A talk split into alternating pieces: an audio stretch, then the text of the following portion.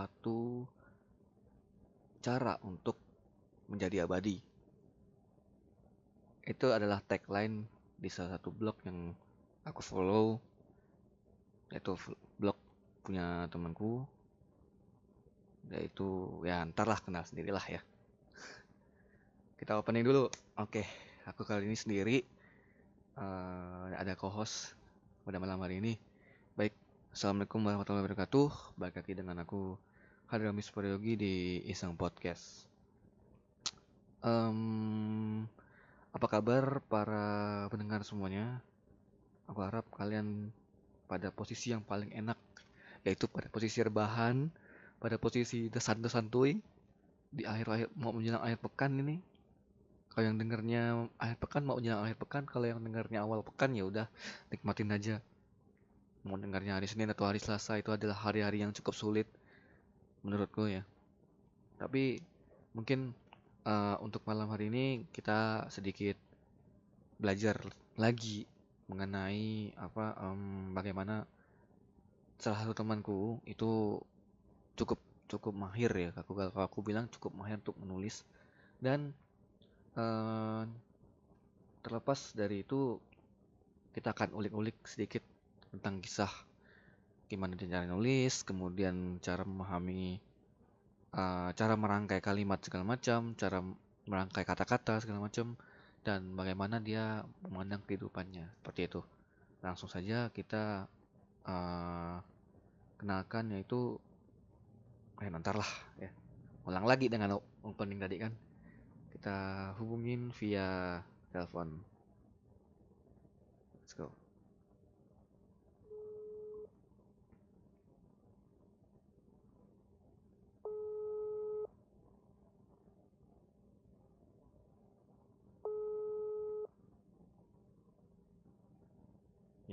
Kemana ya?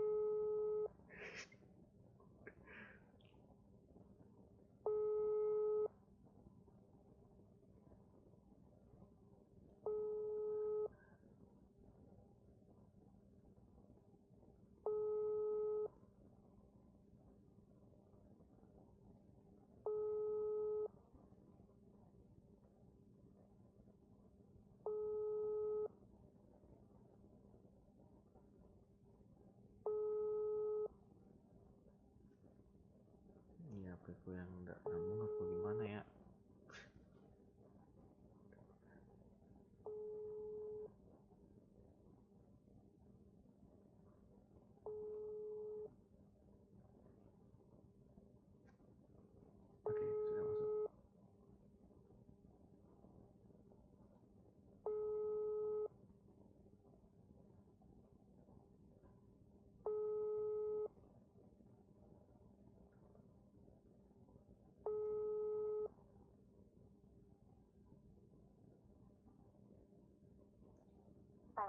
Halo, assalamualaikum. Waalaikumsalam. Ah, dengan KFC. enggak, enggak, enggak. Oke. Okay, ya, uh, udah mulai kan? Ya udah, udah, udah, udah mulai ini. Udah, udah, oh, udah. Oke. Okay. Oke, okay, uh, jadi di sini kita, uh, aku mengundang salah satu temanku lagi untuk berbagi cerita pada malam hari ini. Kita kenalkan dulu Sekara Prilia Maharani. Monggo, Mbak, bisa dikenalkan dirinya dari mana, kemudian ya pokoknya latar belakang lah. Oke, uh, halo perkenalkan nama aku Sekar Prilia Maharani. Biasa dipanggil Sekar atau juga dipanggil Lia. Hmm. Asalnya dari Kabupaten Panggau. Sekarang lagi kuliah di Fakultas Teknik Universitas Tanjung Priok, Pontianak. Oke. Oke, untuk untuk apa uh, Lia ini kalau menurutku uh, aku kenalnya dari dari siapa ya? aku malas aku malas loh ngomongin dia nih. So masam jadi dulu tuh kan kalau teman-teman mungkin teman-teman pendengar baru kenal Lia ya istilahnya. Uh, aku kenalnya dari um, sebetulnya mantanku lah ya. Misalnya mantanku ini punya teman. Ah ini adalah ma temannya mantanku gitu jadi kenalnya pas itu pas aku ke Sanggau pas itu. ya kenal kenal gitu aja sih ndak ndak ngomong ndak ngapain ngapain gitu. Jadi diam diaman aja pas itu kan pas sampai ke rumahnya diam diaman siapa gitu ya?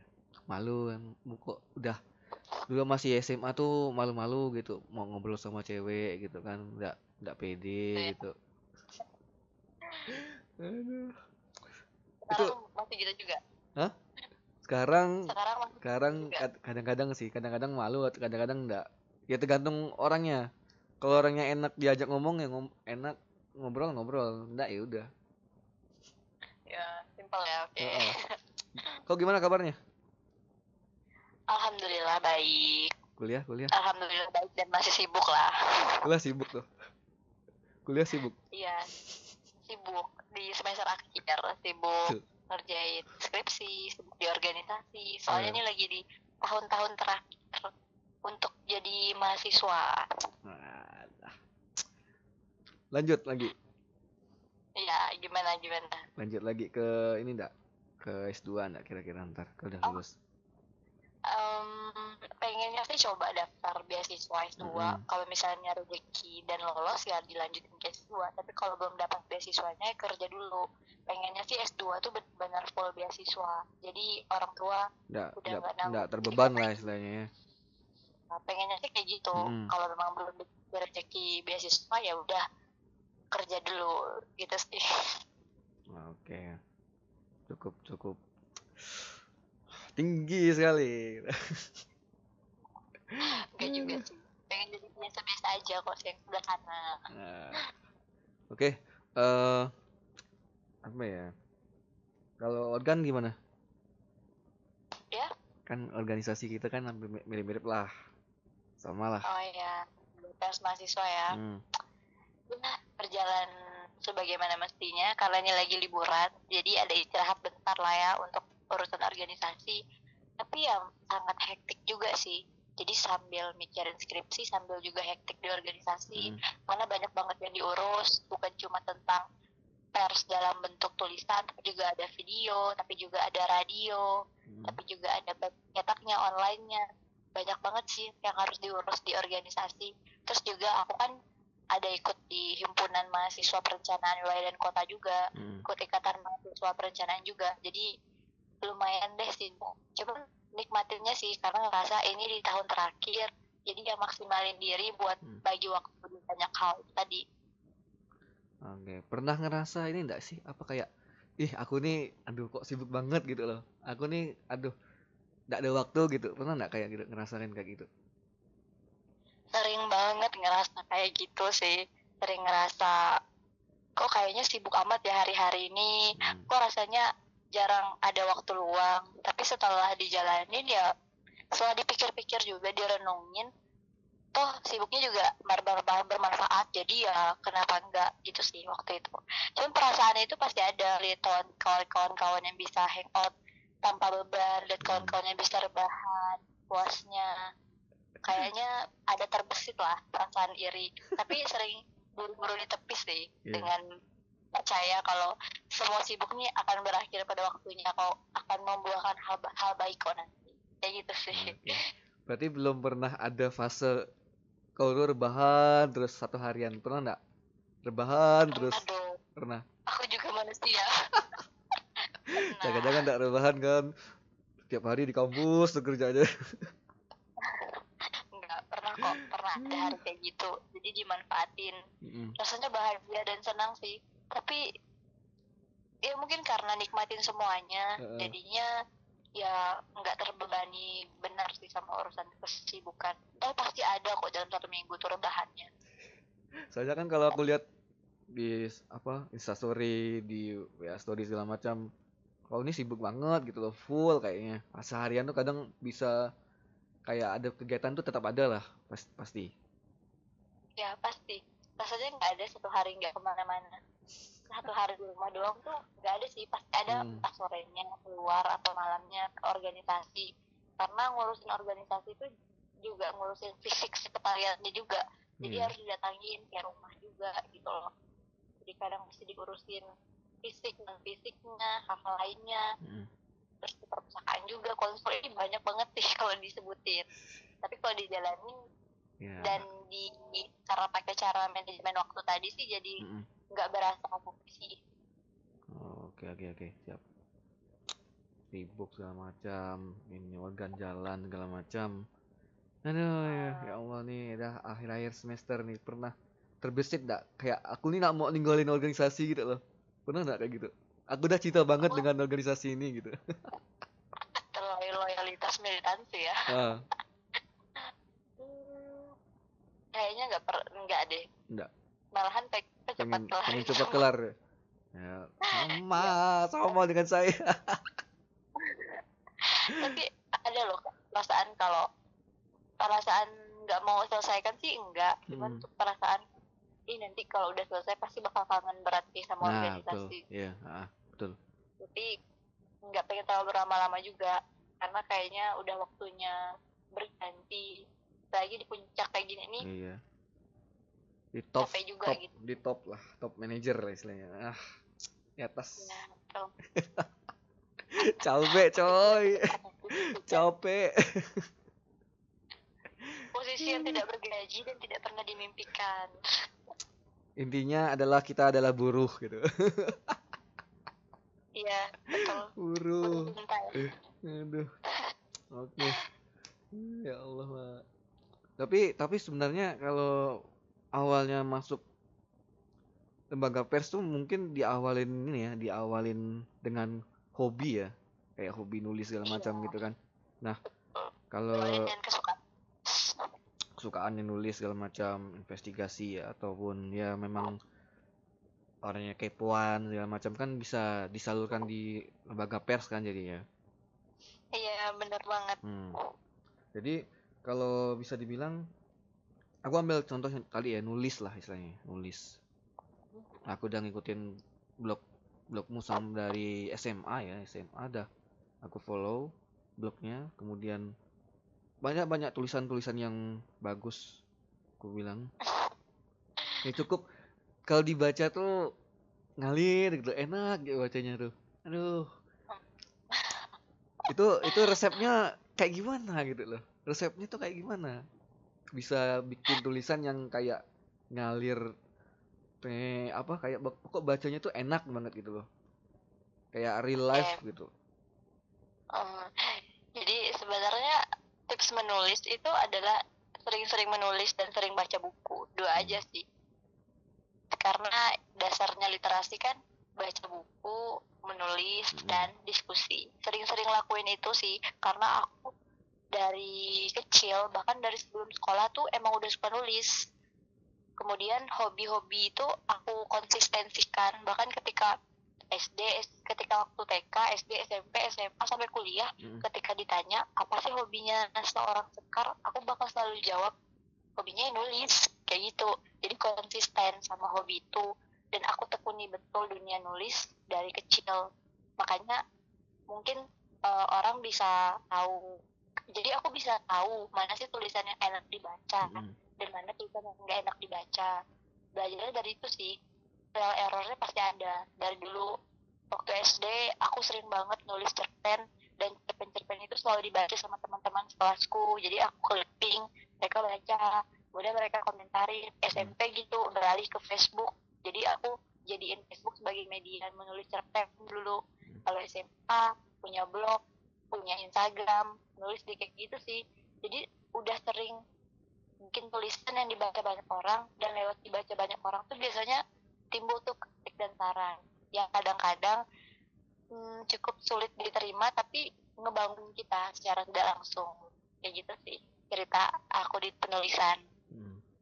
jadi uh, yang penting nulis nulis sering baca baca iya. oke okay, yeah. diskusinya jalan itu ada tips yeah. dari dari kamu ya tips tip ada tiga tips lah kalau misalkan dirangkum ada tiga dan itu kegiatannya juga harus uh, apa ya continue mungkin ya berke, berlanjut gitu jadinya enggak, enggak jangan sampai berhenti betul. betul betul tapi kalau memang misalkan baru ketemunya pas masih SMA atau mungkin baru ketemunya feelnya pas kuliah menurutmu menurutmu gimana tuh kayak gitu tuh Oh, itu nggak apa-apa juga oh. sih, karena kan nggak ada kata terlambat lah untuk hmm. belajar hmm. dan menyukai satu hal. Jadi kalau menurutku kalau emang sukanya waktu SMA atau lagi kuliah, ya silakan tekunin bidang itu dengan banyakin aja baca buku sama nulis.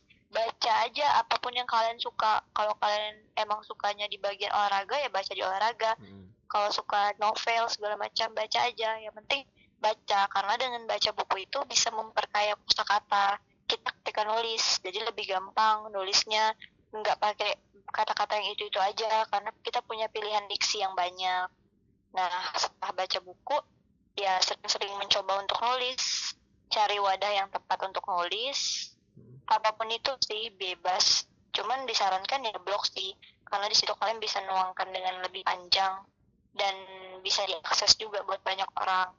Terus setelah itu baca buku lagi. Nulis.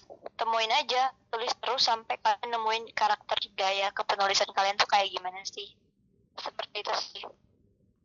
Oke berarti udah nulis segala macam latihan terus kenali gaya bahasanya gimana kemudian ya dalamin lah gaya bahasanya kayak gitu kan. Seperti seperti ya seperti kebanyakan orang menulis lah. Mencari karakter. Mm -mm. terus oke okay, kita bedah dulu ya isi blognya. Ini aku lihat-lihat di di web kok blognya ada dua ya sekarang ya yang terbaru itu yang ada di uh, profil Instagram aku mm. karena yang itu nggak bisa dibuka yang Kayak pertama gitu. nggak gitu. bisa dibuka iya jadi yang kedua itu ada mm. tapi yang sebenarnya yang kedua itu juga aku repost ulang semua tulisanku di blog yang lama juga hmm. jadi bisa dilihat di skrapiliam.wordpress.com hmm. oke ntar dimasukin di deskripsi nanti aku bisa kalian bisa teman-teman akses lah tanya oh jadi itu nggak bisa dibuka gara-gara? Uh, aku lupa password. Ah, alasan yang klise gitu. Gara-gara iya. gara-gara lupa password betul memang. Sayang lah berarti.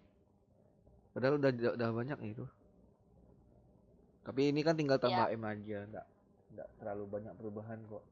Cuma tambah M. Iya. aman ini udah dari kapan ngeblok SMA ya SMA atau iya. SMP SMA dari SMA dan dulu tuh sebenarnya aku mulai ngeblok dengan tulisan-tulisan yang bergaya sastra sih hmm. terutama pen cerpen-cerpen romans gitulah hmm. aku yakin banget sih waktu SMA dulu cerpen-cerpen romans itu adalah cerpen-cerpen yang disukain banyak anak-anak SMA hmm. Jadinya teman-temanku banyak yang baca. Bahkan guru-guruku juga baca tulisan itu. Blog itu juga disarankan oleh seorang guru agamaku. Dia berperan lah dalam penulisan di blog dan sejarah bikin blog kan dia gitu. Kita sering sharing tulisan segala hmm. macam. Kan sampai hari ini juga masih sering komunikasi kadang-kadang untuk membahas soal literasi atau soal agama. Komplit lah paket komplit istilahnya mantap ada mentor enak. Kalau dulu aku belajar belajar sendiri ya. Baca baca sendiri segala macem. Tapi nggak apa sih. Tapi semua orang adalah guru hmm. semua tempat adalah sekolah. Yoi. jangan salah Yoi, benar banget. Tanya.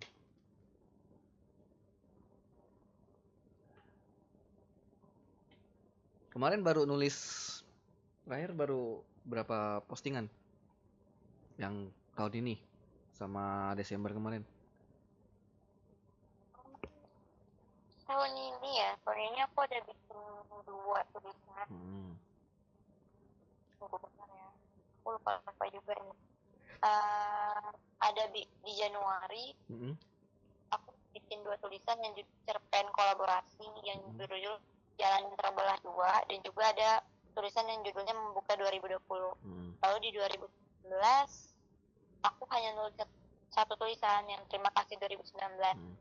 November juga ada November ada dua tulisan sebenarnya ini yang versi tidak produktif sih karena kalau versi aku produktif, produktif. iya satu bulan tuh bisa hasilkan tiga tulisan hmm. bahkan apalagi sifatnya kan blok tulisan yang ringan gitu kan hmm. cuman ini karena di samping kesibukan yang banyak banget akhirnya ya tulisannya ya yang penting ada setiap bulan gitu. Memang kayak gitu produktif tiap bulan tuh harus tetap lah jalan satu atau dua udah cukup lah. Ini sampai tiga gitu sampai tiga gila. Ya Allah. tapi pernah pikiran enggak uh, apa? Tulisannya ini bakalan booming pernah enggak kepikiran booming pas zaman zaman dulu masih awal awal blog tuh pernah kepikiran enggak ini booming nih gila kira-kira nih sama teman-teman kelas sama satu sekolah dulu tuh pernah nggak kepikiran kayak gitu? Hmm, nggak pernah kepikiran untuk membumingkan tulisan. Hmm. karena waktu itu aku pikir bahwa aku nulis tuh karena yang penting ya gimana ya karena aku suka nulis. Hmm. dan kalau orang baca ya terserah mereka mau baca atau enggak cuman dulu tuh di zaman pakai BBM aku emang sering banget bikin status soal blog soal postingan terbaru. Hmm. jadi situ kawan-kawan bisa lihat. Dan dulu itu di blog lama aku bisa dicek kalau komentar dalam tulisan tuh banyak. Itu ada di satu cerpen yang request dari teman sekelasku. Dia pengen kisah cintanya tuh dibikinin cerpen gitu.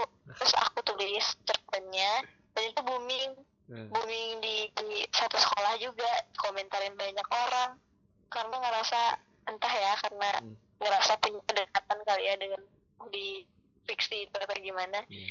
itu lumayan berdampak sih waktu itu terus juga yang satu hal yang paling membingungkan adalah guru aku yang berperan penting dalam sejarah blog aku itu hmm. waktu aku kuliah semester 2 atau 3 gitu waktu masih pakai blog yang lama dia pernah ngasih tugas sama anak-anak SMA pas liburan baca blog aku dan komentarin beberapa tulisan di sana dan itu dia mentugaskan anak-anak SMA-nya loh aku kaget ketika tiba-tiba buka blog dan eh? kebanjiran notif Komen. gila itu anak-anak satu kelas komentarin tulisan aku tuh banyak sekali pas aku deh aku tanya sama guruku kok tiba-tiba mendadak banyak gini ya komentar dari anak sekolahku itu hmm. ternyata dia bilang oh, iya itu tugas dari bapak dia bilang ya ampun kan aku shock sekali sih waktu itu sampai segitunya gitu ya,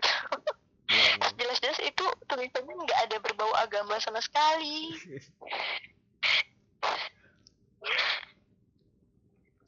itu itu kok, ya? kok bisa ya? itu mungkin pas itu mungkin apa ya gurunya mungkin lagi ini ya iseng-iseng gitu kan. Yaudah nih tugas kalian baca kalian pahamin kalian resapin kalian komen udah. Ntar yang paling yang paling bagus saya kasih nilai gitu. Ya Allah. Kalau juga tapi intinya guruku itu suka banget menanamkan literasi di hmm, sekolah.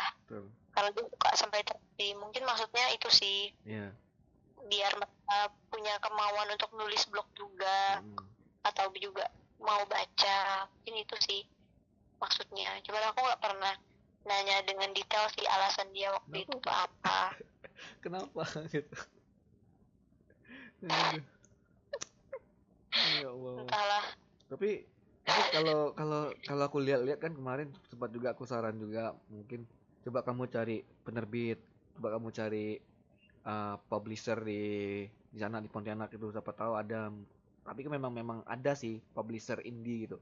Itu pernah kepikiran nggak mau bawa naskah blog-blog blog-blog kamu tuh bawa ke sana terus dibuatkan buku? Hmm, pernah. Hmm. jadi aku pernah tapi sebenarnya aku lebih kepikiran um, mungkin ada nanti lebih ke kumpulan tulisan-tulisan di blog. Hmm. Dan juga aku pengen bikin tulisan novel khusus gitu.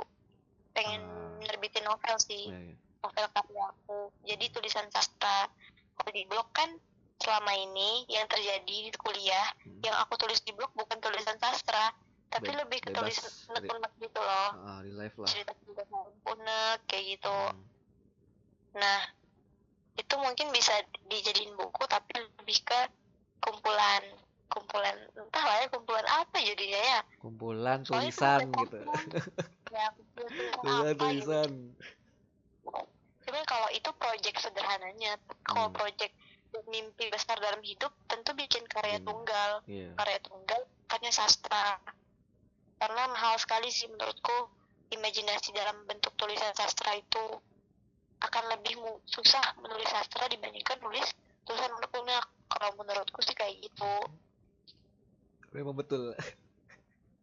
Memang betul. Apalagi kalau apalagi kalau nulis skripsi hmm, Aduh, membutuhkan membutuhkan pikiran yang jernih. Nulis. Tapi kan kalau udah kalau nulis unek-unek kan kayak kayak curhat segala macam kan kayaknya ngalir gitu kan. Tapi kalau nulis kayak novel itu ya perlu perlu apa ya perlu effort yang lebih tinggi lah ya, mikir lagi segala macam di ini udah pas belum segala macam. Perlu editor juga kan bantu bantuin buat ngedit segala macam. Juga diperlukan lah misalnya oke oke. Kita udah bahas tulisan segala macam udah bahas ini. Awalnya gimana? Kita next topik lagi. Um, apa ya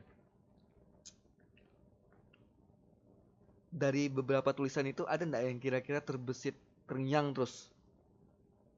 Semua tulisan dari semua tulisan tuh ada nggak terngiang satu satu tulisan besar yang terngiang dalam pikiran? Yang kadang juga ingat gitu yang membekas. Tulisan yang paling membekas ya? Uh, itu sih.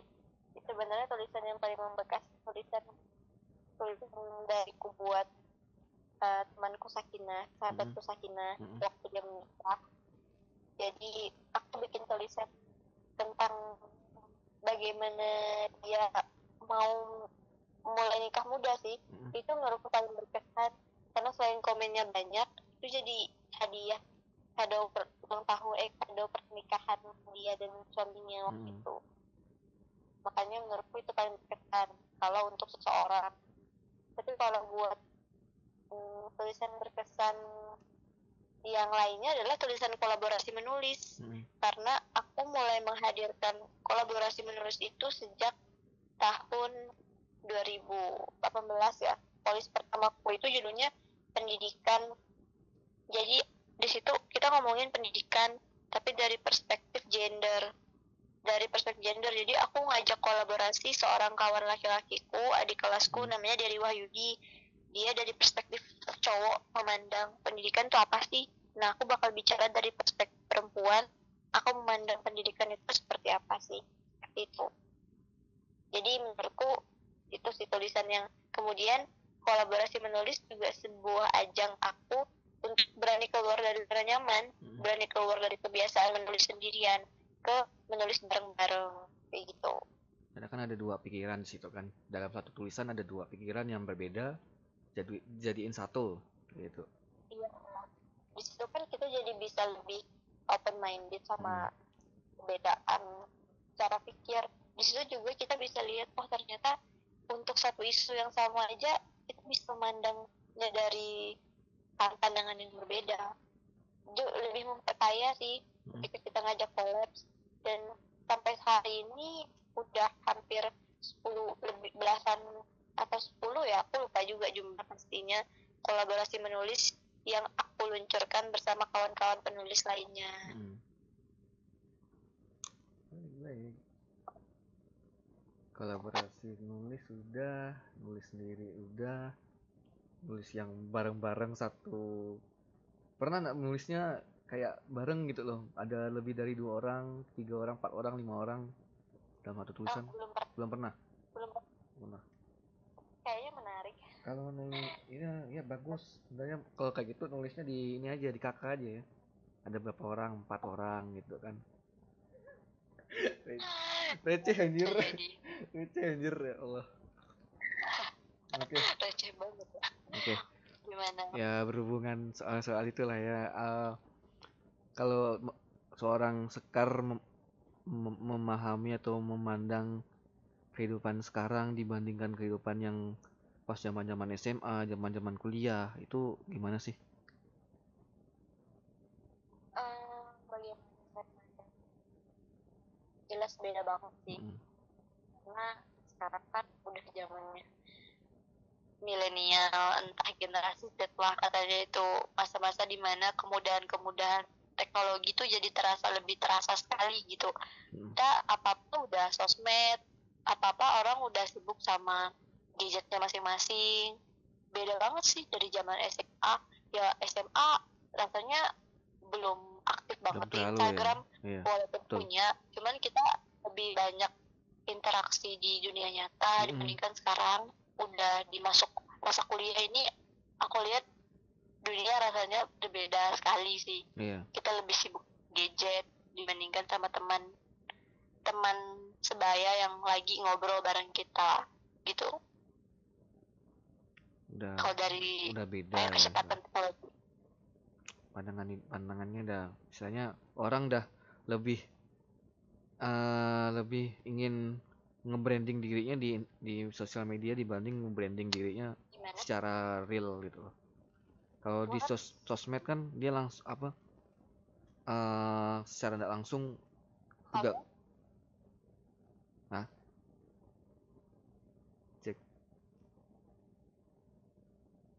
Halo, halo. Halo. Oke. Aman Ada kan? Ja oh, jaringannya aman kan? Aduh. Ya emang Amat. sana jaringannya enggak terlalu ya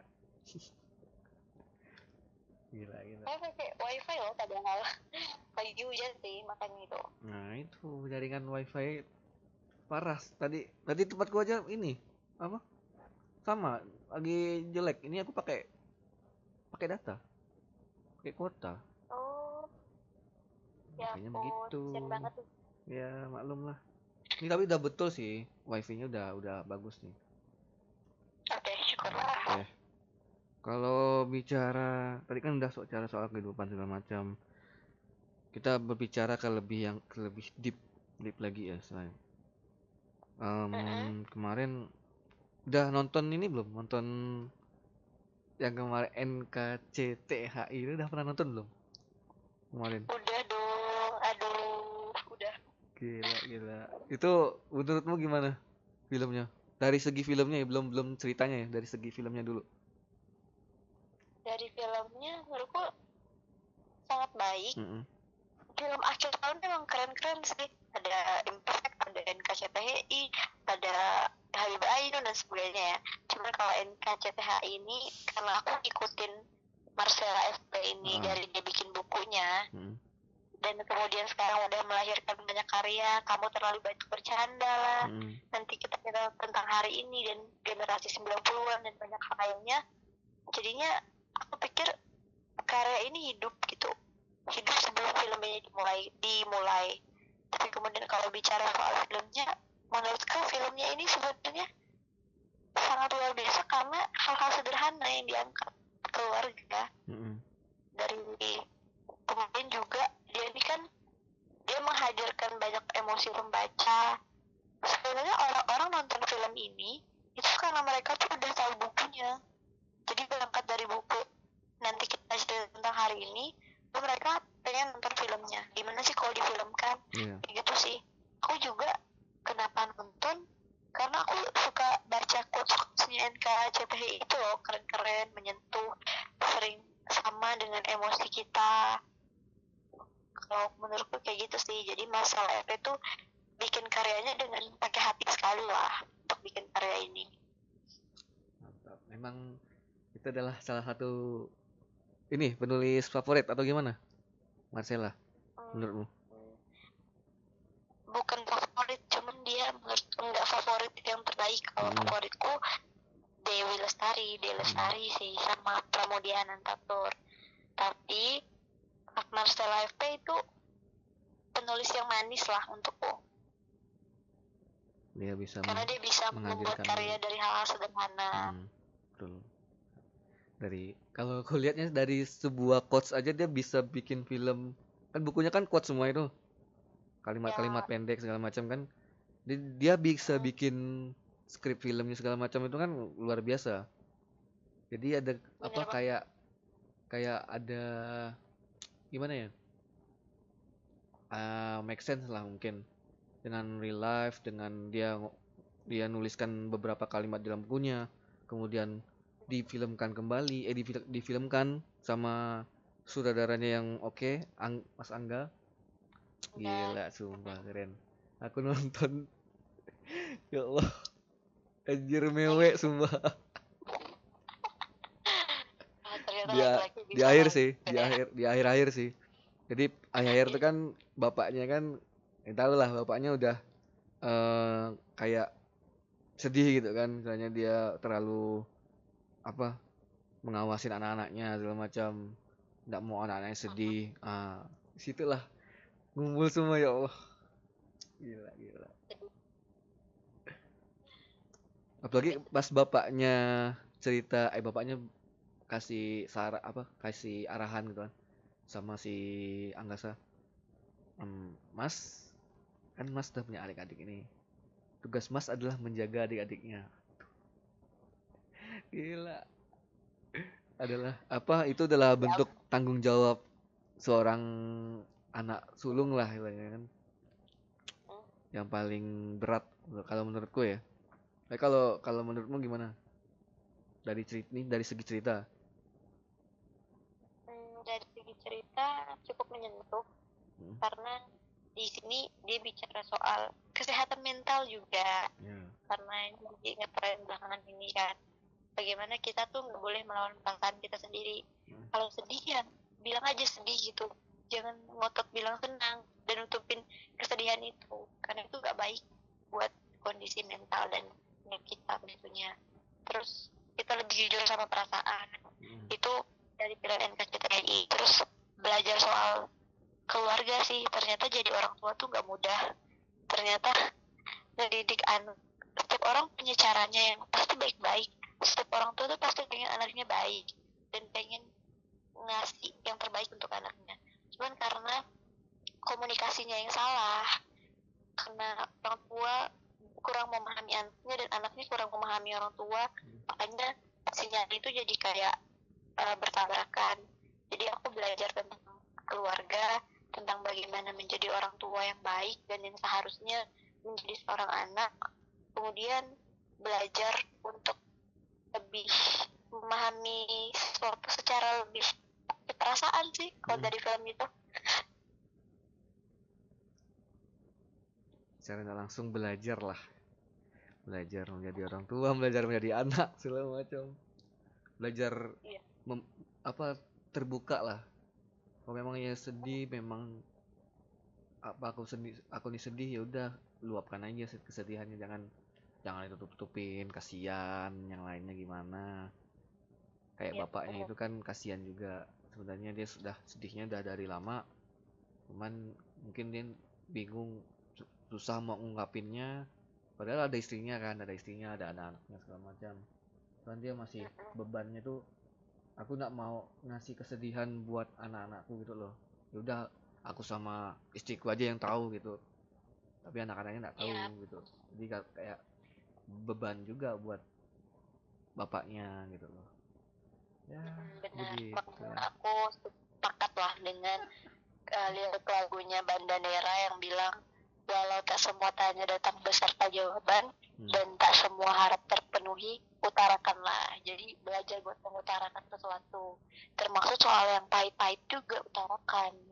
Jangan terlalu banyak mengubur hal-hal yang seharusnya bisa kita lepaskan kita ungkapkan. Entah dengan ditulis entah dengan bercerita dengan orang lain dan banyak hal sih untuk bisa mengekspresikan perasaan-perasaan yang nalurinya memang ada di setiap manusia.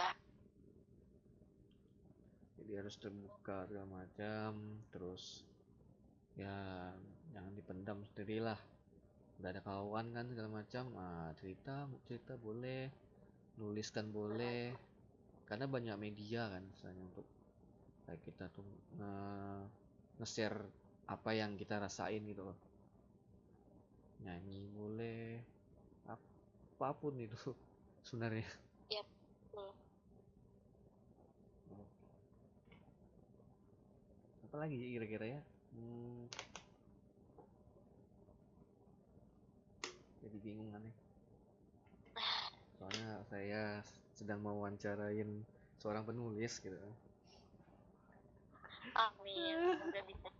Beneran ya bisa insya Allah udah ada modal tinggal tinggal nulisnya aja. Benar, juga sih. Konsistensi lah. konsistensi segala macam. Terus um, planning udah ada planning belum tuh kira-kira? Lepas lulus nih. Tahun depan lah tahun depan mungkin tahun doain tahun ini ya. Hmm, tahun ini tahun depan tahun inilah paling enggak kan akhir-akhir tahun pertengahan tahun dapat ini udah udah udah jalan bab berapa? Udah jalan bab tiga. Akan seminar proposal ini oh sama ya seminar dulu ya berarti ya? Kirain langsung ya. kirain langsung ini penadaran. Nggak perlu seminar proposal. Sama berarti. Enggak ada seminar dulu. Seminar dulu kan misalnya seminar tiga tiga bab baru pemikirannya macam. Terus um, apa ya? Aduh aku bingung mau mulai gitu aku bingung mau mulai. Maksudnya mulai gimana? Mulai ngomongnya nih dari mana gitu loh. Nah. Oh. uh, Hah? masalah ini sih masalah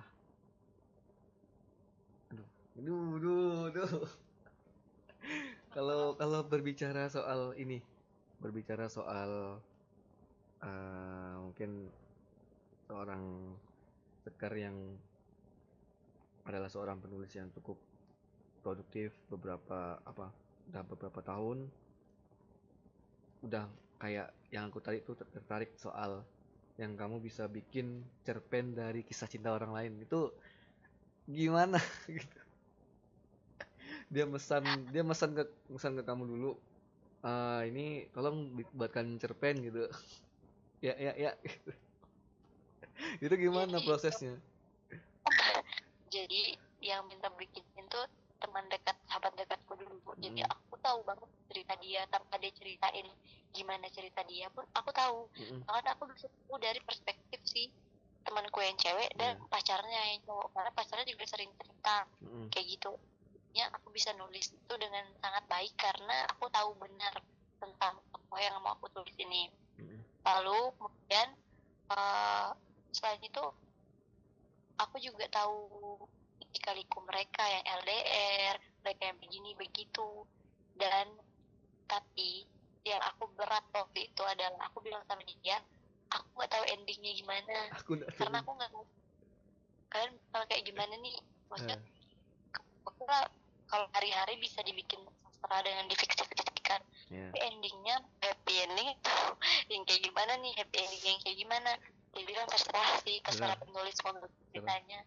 Itu aku tulisnya happy ending lah pasti kan. Yeah. karena ini tulisan kalau tulisannya ideologisnya aku sih pasti bakal dibikin yang dengan ending yang tidak terbayangkan. Tapi karena ini pesanan ending. aku ya bahagia endingnya. Mm-hmm. malah itu sepasang yang terlambat itu cinta nggak salah.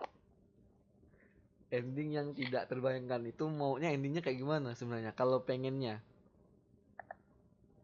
Pengennya ya mereka nggak sama-sama. Karena apa ya agak susah untuk memaknai konsep LDR buat orang di dalam fiksi. Hmm. karena jarak tuh memang melemahkan akan susah. Memang sih yang penting tuh percaya. Hmm. tapi dalam hal ini apalagi kalau masih pacaran nah. dan percaya itu gak mudah kecuali udah nikah. Mm-hmm. LDR mungkin masih percaya dalam konsep pemikiran aku waktu itulah jadi pengennya kemarin itu gak sama-sama. Dan ternyata hari ini mereka nggak sama-sama. Bahkan sampai sebelum mulai kuliah mereka udah udahan. Iya. ya, aduh coba coba bisa bisa kejadian gitu ya. Happy endingnya bisa kejadian gitu. Sampai sampai sekarang gitu. Ya Allah.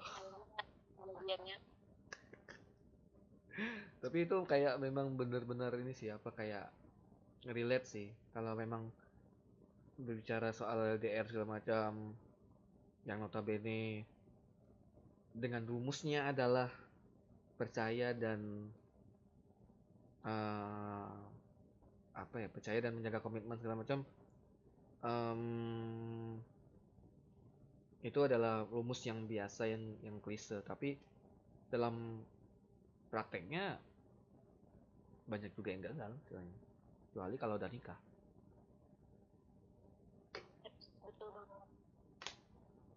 Itu tergantung yang menjalani juga sih. Hmm. kalau yang jalannya kuat masih pacaran ya. kuat misalkan. Itu gimana? Kalau menjalaninya kuat ya pasti bakal bisa lah. Tapi emang nggak mudah. Pasti bakal hmm. banyak tantangan apalagi kalau nggak didukung satu pihak. Jadi yang kuat cuma satu satu pihak aja. Pihak yang satunya nggak kuat. Ada langsung terbawa arus gitu.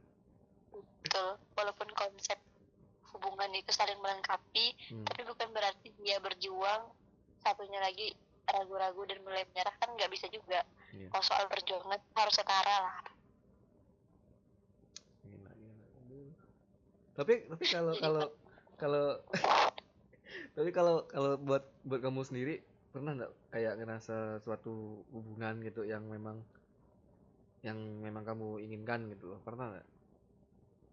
Atau pernah ngalamin gitu dong? Pernah gimana? Maksudnya lika-likunya tuh gimana gitu? Wah lika-liku ya. Lika-liku. Kayaknya berat. Lika-likunya. Kalau waktu SMA sih ya waktu SMA dulu aku selalu menyukai orang yang tidak pernah menyukaiku. Hmm. dan itu berkali-kali. Jadi selalu patah hati sih kalau SMA dulu. Uh. dan itu berulang kalau pas kuliah justru beda ceritanya. Hmm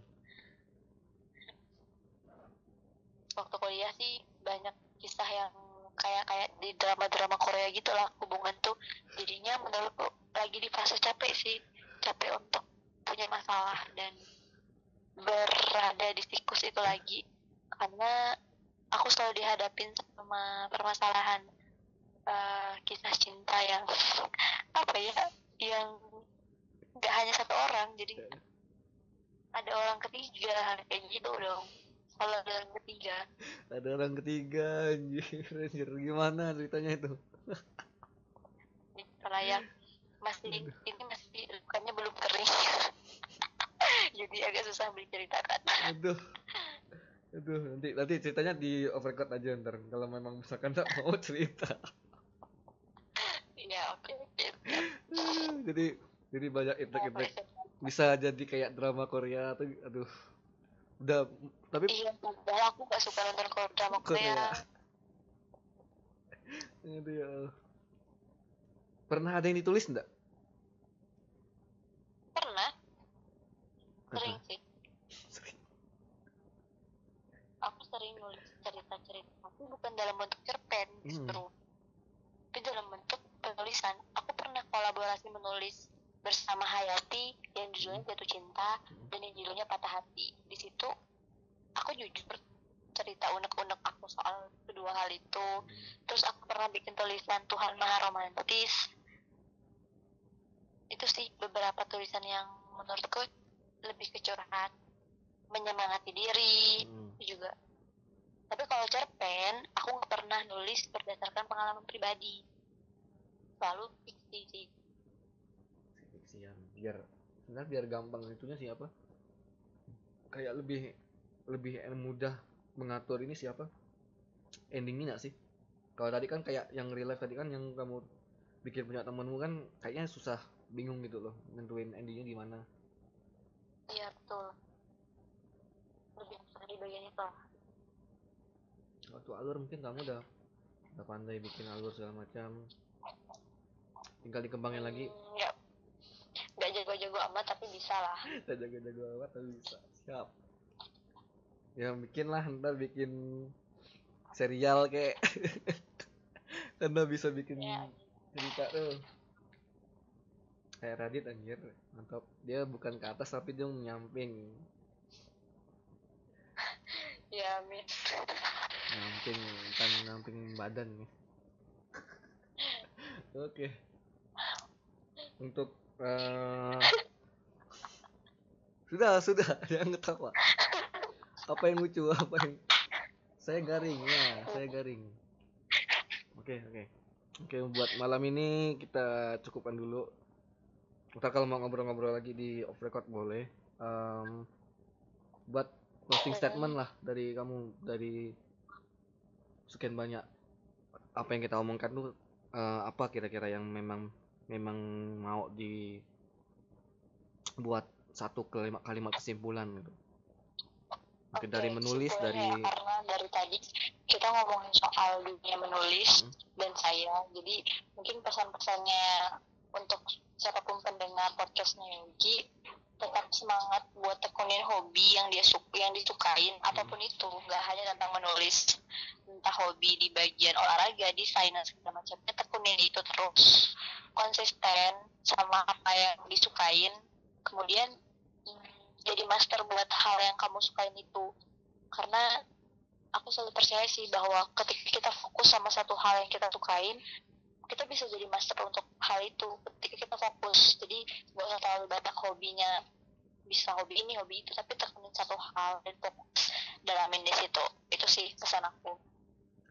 Oke terima kasih buat closing statement yang cukup cukup mengenali hati para pendengar mungkin ya. Semoga para pendengar langsung wah aku fokus ke bidang ini fokus ke bidang itu. Oke siap. Terima kasih Mbak Lia gitu kan. Selamat oke baik um, terima kasih buat para pendengar semuanya. Semoga obrolan kita pada malam hari ini membuka pikiran teman-teman pendengar semuanya dan semoga bermanfaat. Akhir kata Assalamualaikum warahmatullahi wabarakatuh. Ciao